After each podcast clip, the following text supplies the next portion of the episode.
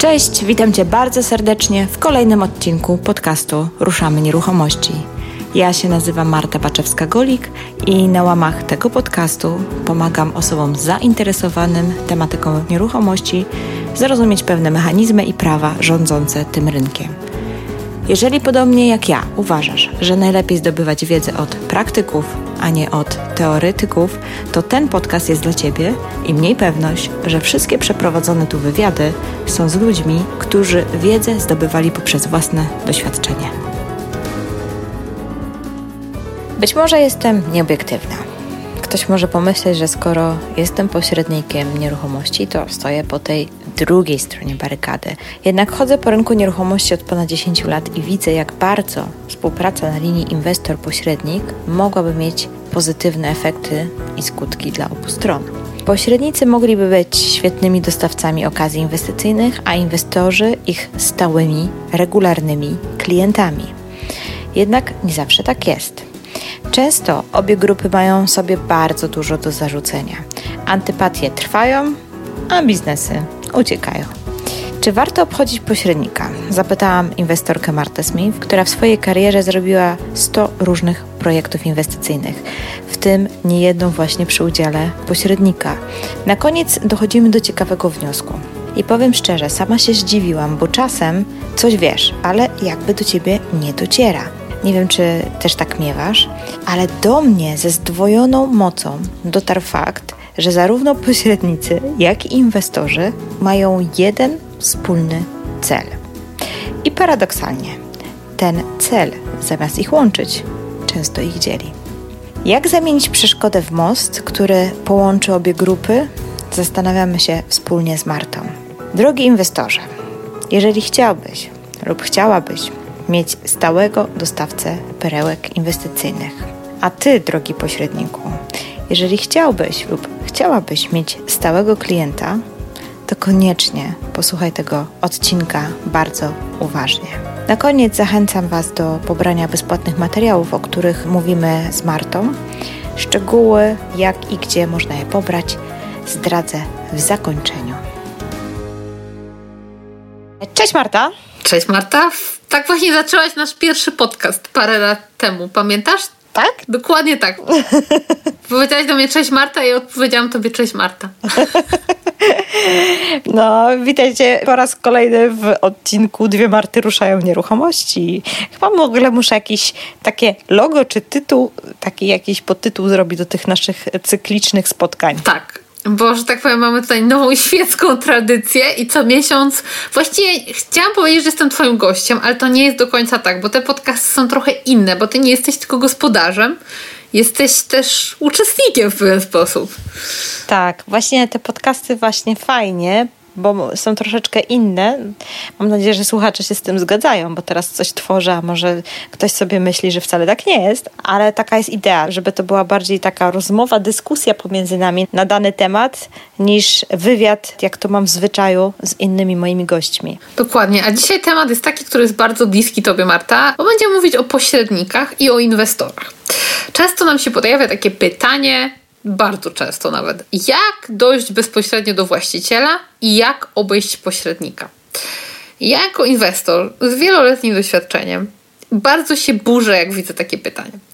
Bo w mojej przygodzie z nieruchomościami pośrednicy są po prostu częścią tej przygody i nie wyobrażam sobie zbudowania mojego portfolio, nie wyobrażam sobie robienia kolejnych projektów, gdyby nie dobre relacje z pośrednikami. Więc chcemy tutaj trochę powiedzieć o tym, dlatego że pewnie słuchają nas i pośrednicy, i inwestorzy. I mamy wrażenie, że często jest dużo niezrozumienia między tymi dwoma środowiskami. To prawda. Marta, ale tak jeszcze zanim wgłębimy się w ten temat, powiedz mi, ile zrobiłaś e, projektów inwestycyjnych w swoim, że tak powiem, inwestorskim życiu? Ponad 100, wiesz co, ja przestałam liczyć tak naprawdę, ale dużo. I jaki procent był właśnie z pośrednikami? Powiedziałabym, że blisko 80% był z pośrednikami.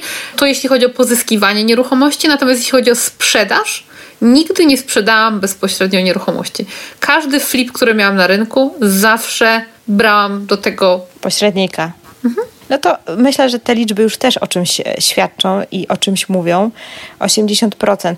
W Polsce podobno jakiś czas temu gdzieś czytałam takie statystyki, że około 30% transakcji w ogóle tylko w, w, skali wszystkich, nie mówię już inwestorskich, ale wszystkich idzie przez biura, reszta idzie indywidualnie, ale nie wiem, czy to się zmieniło, czy to się nie zmieniło i być może te pytania pod tytułem jak obejść pośrednika wynikają właśnie z tego, że ta kultura prowadzenia w Polsce transakcji przez pośrednika tak naprawdę ciągle się buduje i nie jest jeszcze tak ugruntowana i mocna jak e, w krajach zachodnich, tak, tak myślę.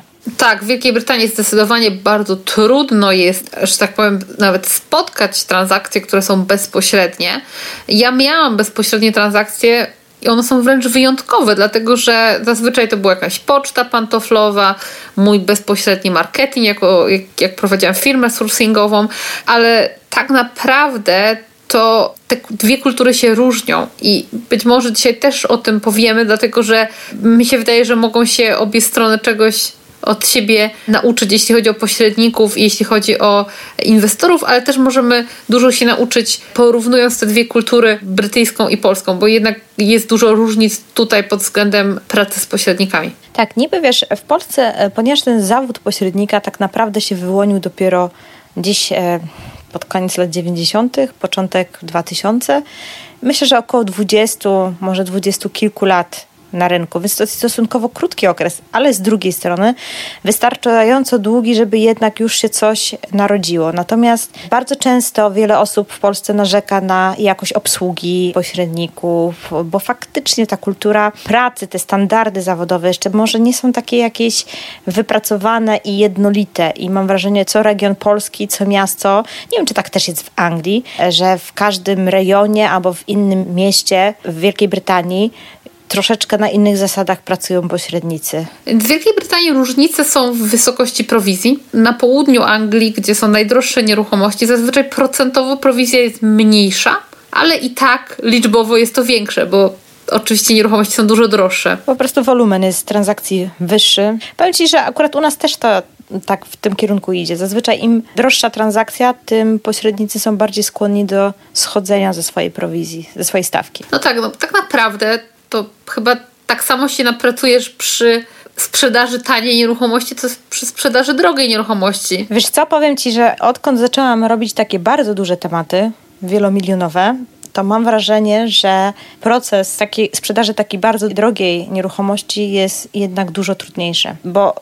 zgadzam się w przypadku takich... Um, standardowych nieruchomości. Mieszkalnych, tak. tak. Ale przy, przy komercyjnych mhm. to w ogóle są zupełnie inne zasady. Poza tym przy takich bardzo dużych tematach bardzo często już jest łańcuch pośredników, gdzie się mhm. dzielisz prowizjami, więc ta prowizja musi być wysoka, bo trzeba się czymś powiedzieć. No nie zapłacisz za sprzedaż działki za 10 baniek komuś 5 tysięcy złotych, no bo to jest trochę śmieszne, nie? Za polecenie. Jak wchodzisz już później na taki wyższy, dużo wyższy level, to jest dużo trudniej i procesy y, negocjacji, zastanawiania się, dyskusji, punktów zwrotnych w tej transakcji jest wiele. No, szczególnie przy nieruchomościach komercyjnych. Ja, też miałam udział oczywiście w takich e, negocjacjach, bo, bo jak kupowałam hotele i inne tam lokale, to wtedy jest dużo więcej rzeczy do wynegocjowania, no bo przy takiej zwykłej transakcji mieszkalnej najczęściej jedynym punktem negocjacyjnym jest tylko i wyłącznie cena. Ale wracając jeszcze do tych różnic tutaj między rynkiem polskim i brytyjskim, na rynku brytyjskim jest dużo klarowniej ze względu na to, że tylko i wyłącznie sprzedający w przypadku nieruchomości mieszkalnych e, płaci prowizję. I to trochę naprawdę oczyszcza atmosferę, dlatego że kupujący nie ma żadnej motywacji, żeby starać się obejść pośrednika, bo tak naprawdę nic na tym nie zyskuje. A widzisz, a wiesz jakie jest myślenie w Polsce wśród kupujących, bo y, też są biura, które nie pobierają prowizji od kupujących, jeżeli reprezentują sprzedającego. I ja w sumie też tak robię. Generalnie jak mam mm, umowę podpisaną na wyłączność z, ze sprzedającym, robię na przykład dom otwarty, przychodzą do mnie klienci którzy chcą nabyć tą nieruchomość, to, to się jednak czuję, że reprezentuję sprzedającego i nie pobieram prowizji. Natomiast bardzo często w głowach tych ludzi jednak jest świadomość, że ten sprzedający musi zapłacić prowizję pośrednikowi, a może gdyby nie musiał jej zapłacić, to mógłby zejść niżej mi ceny. Jest taka opcja, ale ja naprawdę jako inwestor wierzę w zupełnie co innego. Jeśli jesteś takim przeciętnym Kowalskim, który kupuje sobie swój dom i zrobi może jedną czy dwie transakcje w całym życiu, no to rzeczywiście zaoszczędź sobie te parę tysięcy. Jeśli sumienie ci nie gryzie, to zrób coś takiego. Mnie by gryzło, ale to, to już inna, inna sprawa. Natomiast jeśli jesteś inwestorem, to oprócz tych takich etycznych aspektów, ja bym patrzyła totalnie pragmatycznie. Czy naprawdę chcesz wyrobić sobie taką renomę wśród Twoich lokalnych pośredników, że Ty obchodzisz ludzi? Bo moim zdaniem dla dobra relacji i dla długoterminowych korzyści warto być człowiekiem swojego słowa. Podam Wam przykład. Dzisiaj właśnie, właściwie tuż przed nagrywaniem tego podcastu dzwonił do mnie mój mąż. Poszedł oglądać działki deweloperskie, taką nieruchomość, która ma duży ogród, której można coś wybudować. Zrobił to przez kontakt z agentem, z którym przez długi czas nie współpracowaliśmy ostatnio, bo byliśmy zajęci nieruchomościami komercyjnymi, on tylko się zajmuje mieszkalnymi, ale mieliśmy bardzo dobry kontakt z nim w przeszłości. I ten agent akurat sprzedawał bardzo ciekawą działkę swojego ojca. I ten ojciec spotkał się z moim mężem. Ta nieruchomość nie jest jeszcze na rynku, więc nikt nie ma do niej dostępu ale dzięki temu, że mieliśmy dobrą relację z tym agentem i on zobaczył, że jesteśmy solidni, zawsze płaciliśmy mu prowizję, on sprzedawał dla nas, kupowaliśmy przez niego, właściwie przez niego kupiliśmy też nasz dom, w którym mieszkamy w tej chwili, to mam gwarancję, że mój mąż będzie miał pierwszeństwo do tej działki. Mało tego, stało się też tak, że podczas prezentacji tej działki ojciec tego agenta rozpoznał nas. Rozpoznał mojego męża i mówi: Słuchaj, ja z ciebie skądś kojarzę. A, pamiętam, bo kiedyś e, mój syn nie mógł e, na prezentację przyjść i wysłał mnie, więc on pokazywał potencjalnych kupujących jeden z naszych flipów. I już jest taka relacja. Już jeśli pojawi się kilku innych zainteresowanych tą działką, to zgadnijcie, kto ma największe, że tak powiem, szanse. Szanse. Mhm. Super historia. Wiesz, w ogóle generalnie rzecz biorąc, myślę, że to jest w ogóle. Mm temat e, taki głębszy. Bo oczywiście, że jednorazowe korzyści jakieś tam można uzyskać, jeżeli się uda ominąć tą prowizję dla pośrednika. Natomiast jeżeli mówimy, że chcemy faktycznie poważnie zająć się obrotem nieruchomościami, w sensie, nie wiem, flipować, inwestować na wynajem długoterminowy, czy krótkoterminowy, czy jakikolwiek inny, to po prostu pośrednicy są nieodłączną częścią całego, że tak powiem, tego środowiska nieruchomościowego. I moim zdaniem wypracowanie dobrych relacji z pośrednikami może przynieść w długiej perspektywie dużo więcej korzyści i zalet tej współpracy niż, niż takie jednorazowe ominięcie pośrednika. I bardzo mnie dziwi, kiedy na przykład ostatnio też na naszej grupie inwestorskiej taka powstała dyskusja, gdzie wypowiadały się osoby, które naprawdę inwestują wiele lat i wypowiadały się w stosunku do pośredników naprawdę w taki przykry sposób. I ja rozumiem, że gdzieś tam może ta jakość obsługi czasami pozostawia wiele do życzenia, bo faktycznie sama współpracuję czasami z różnymi pośrednikami i są lepsi, gorsi, ale jak w każdej branży są ludzie słabsi i lepsi najzwyczajniej w świecie. I ja rozumiem, że czasami można trafić na kogoś, kto podniesie ciśnienie i po prostu nie chce się z taką osobą współpracować, no, ale nie można wrzucać całej branży do jednego worka pod tytułem, że, że pośrednicy e, są tacy czy tacy, bo się trafiło na kilku naprawdę niefajnych, niesolidnych pośredników. Ale wiesz co, Marta, myślę też, że to też działa w drugą stronę, bo jest też bardzo dużo, czasami szczególnie e, jak czytam różne e, fora takich bardziej doświadczonych polskich pośredników, to oni mają jakąś straszną awersję do inwestorów. Szczególnie, ach, ci fliperzy, że oni tu psują rynek, że oni są niedouczeni, że wychodzą ze szkoleń i potem próbują tutaj zawojować rynek. Mi się wydaje, że gdyby obie strony trochę szacunku do siebie nabrały, to naprawdę tu jest synergia. Przecież możecie ze sobą współpracować. To nie jest tak, że musicie na udry iść od razu, bo jeśli ty jako pośrednik zrozumiesz, czego szuka inwestor i potraktujesz go poważnie, to możesz naprawdę mieć klienta, który nie będzie jednorazowym klientem, tylko który będzie do ciebie wracał i vice versa. To prawda. I ja mam takie wrażenie, że to jest trochę taki problem, wiesz, co było pierwsze, jajko czy kura? Tak naprawdę zarówno pośrednicy, jak i klienci, inwestorzy, czy nawet inni klienci mają sobie nawzajem bardzo wiele do zarzucenia. Z tego względu, że bardzo wiele osób próbuje obchodzić pośredników i naturalnie w pośrednikach rodzi się, że tak powiem, awersja i próbują różnych e, zabezpieczeń swojej pracy, wymagają 50 tysięcy podpisów i tak dalej. No, znikąd to się nie wzięło, tak? Po prostu to się wzięło stąd, że niestety zostali ileś tam razy oszukani. Ale z drugiej strony też klienci mają wiele tym pośrednikom do zarzucenia, bo na przykład, nie wiem, nie poinformowali ich o jakiejś tam umowie, albo gdzieś tam przymusili do, do podpisania jej gdzieś tam przed prezentacją, zamiast zaprosić do biura i tak dalej, i tak dalej. No i to jest takie trochę e, przerzucanie się, kto jest bardziej winny lub kto jest mniej. A wydaje mi się, że to w ogóle nie o to chodzi. Że żeby faktycznie nawiązać współpracę, to trzeba może troszeczkę cofnąć się w tył, albo pójść krok do przodu może, zostawić ten tył za sobą i, i po prostu pójść dalej i zastanowić się, gdzie jest ten pomost, gdzie my możemy wspólnie zacząć działać. Ja powiem Ci z mojego doświadczenia, kiedy zaczynałam moją przygodę z nieruchomościami, nie miałam dobrych relacji z pośrednikami, bo byłam nowa na rynku, to miałam wrażenie, że ci pośrednicy to jest taka grupa trzymająca władzę. E, albo grupa trzymająca okazję. E, że jest jakaś zmowa i że tylko wybrani dostają te deale. I wiesz co? Trochę jest w tym prawda, że rzeczywiście każdy pośrednik i każda agencja ma taką swoją listę zaufanych inwestorów, którzy mają pierwszeństwo, takie trochę prawo pierwokupu. Ale dlaczego? Dlatego, że ci inwestorzy są solidni i oni zawsze, nie wiem, albo mają gotówkę, albo trzymają się swojego słowa. I powiem Ci, że w tej chwili mam takie relacje, że jestem w tej grupie uprzywilejowanych klientów, ale zaczęło się od tego, że zmieniałam swoje podejście do pośredników, że nie zaczęłam patrzeć na nich jako na takie zło konieczne i że jak oni mnie tutaj oszukują i że próbują negocjować i jakieś robią sztuczki, bo to nie jest do końca tak. Tak naprawdę rozumiem, że oni reprezentują swoich klientów, reprezentują też siebie, chcą jak najlepiej zarobić, chcą jak najszybciej sprzedać. I wydaje mi się, że jak przestaniesz patrzeć na czubek własnego nosa i zaczniesz myśleć pragmatycznie, jak mogę na długi termin zbudować sobie relacje, to też naprawdę ci pośrednicy zaczną przynosić ci okazję. Bo kiedyś zrobiliśmy taki webinar, to był jeden z naszych pierwszych webinarów, jak współpracować z pośrednikiem, żeby ci dostarczał okazji inwestycyjnych.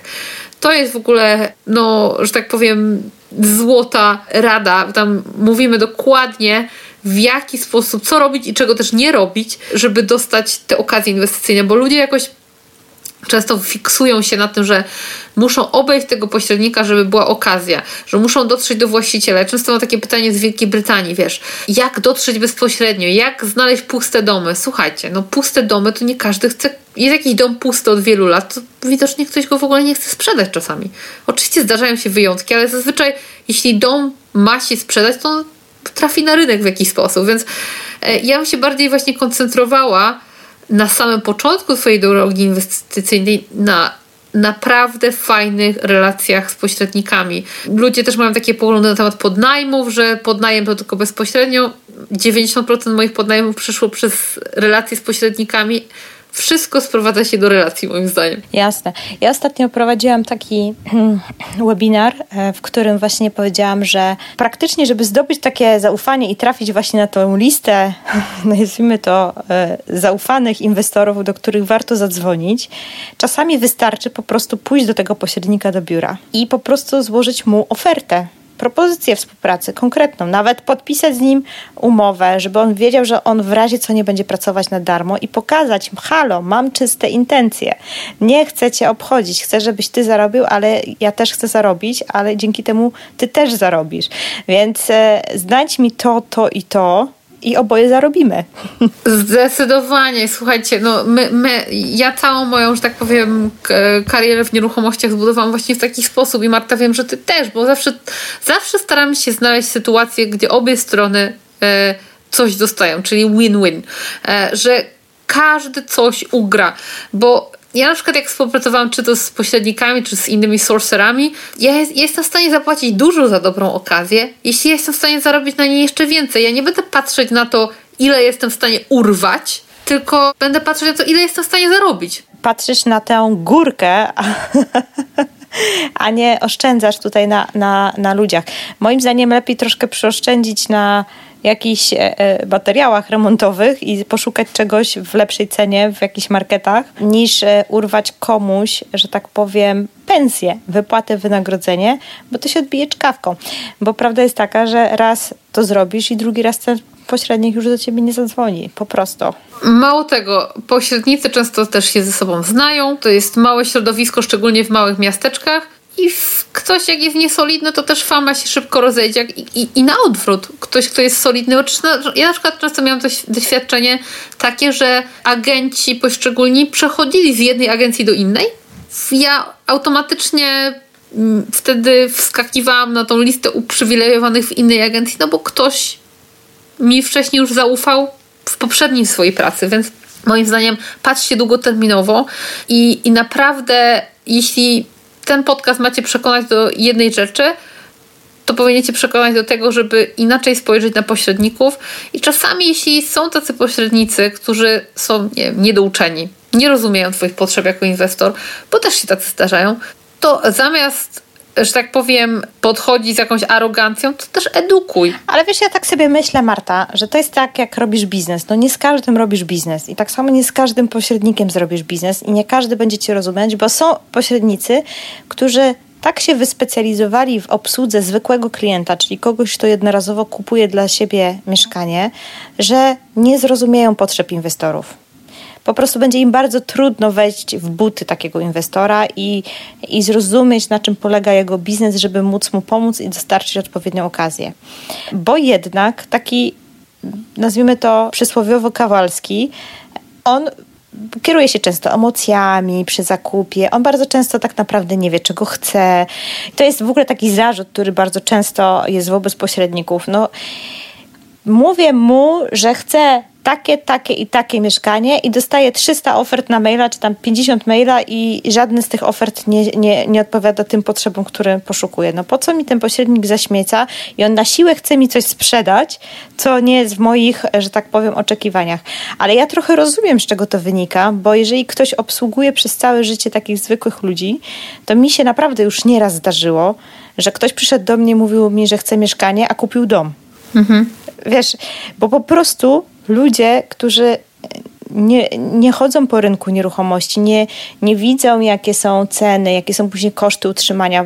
Jak sobie zaczyna, na przykład akurat, nie wiem, ci, co kupili dom, jak sobie policzyli, że będą mieli ratę kredytu, od dużego mieszkania bardzo wysoki czynsz do płacenia co miesiąc, jakieś tam dodatkowe fundusze remontowe i tak dalej, i tak dalej, to oni po prostu uświadamiając to sobie, ale dopiero jak zobaczyli kilka mieszkań i zobaczyli, jakie są opłaty, to sobie to w ogóle uświadomili, że stwierdzili, że jednak oni wolą dom, bo dom jest bezczynszowy.